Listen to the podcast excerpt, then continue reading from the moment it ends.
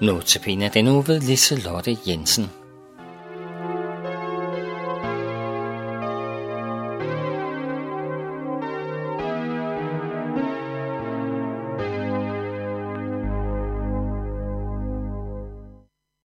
Hyrdebilledet og forne tales der meget om i Bibelen.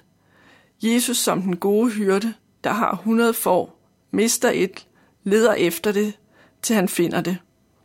Vi mennesker omtales som får. Esajas 53, 9. Vi flakkede alle om som får, vi vendte os hver sin vej. Men Herren lod al vores skyld ramme ham. Tænk, al vores skyld. Ikke bare noget, men der står virkelig al. Det er noget. Jeg har i mange år været glad for Bibelens fortællinger om hyrden og forne.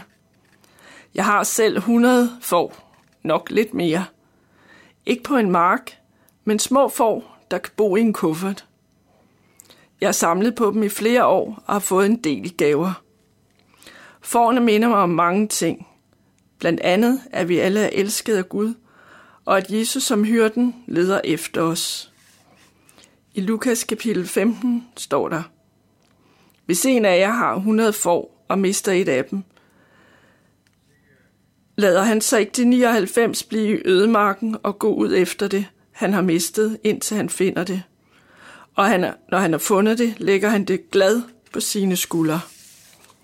Og når han kommer hjem, kalder han sine venner og naboer sammen og siger til dem, Glæd jer med mig, for jeg har fundet det for, jeg har mistet. Jeg siger ja. Sådan bliver der større glæde i himlen over en sønder, der omvender sig, end over 99 retfærdige, der ikke har brug for omvendelse. En forunderlig Gud, vi har.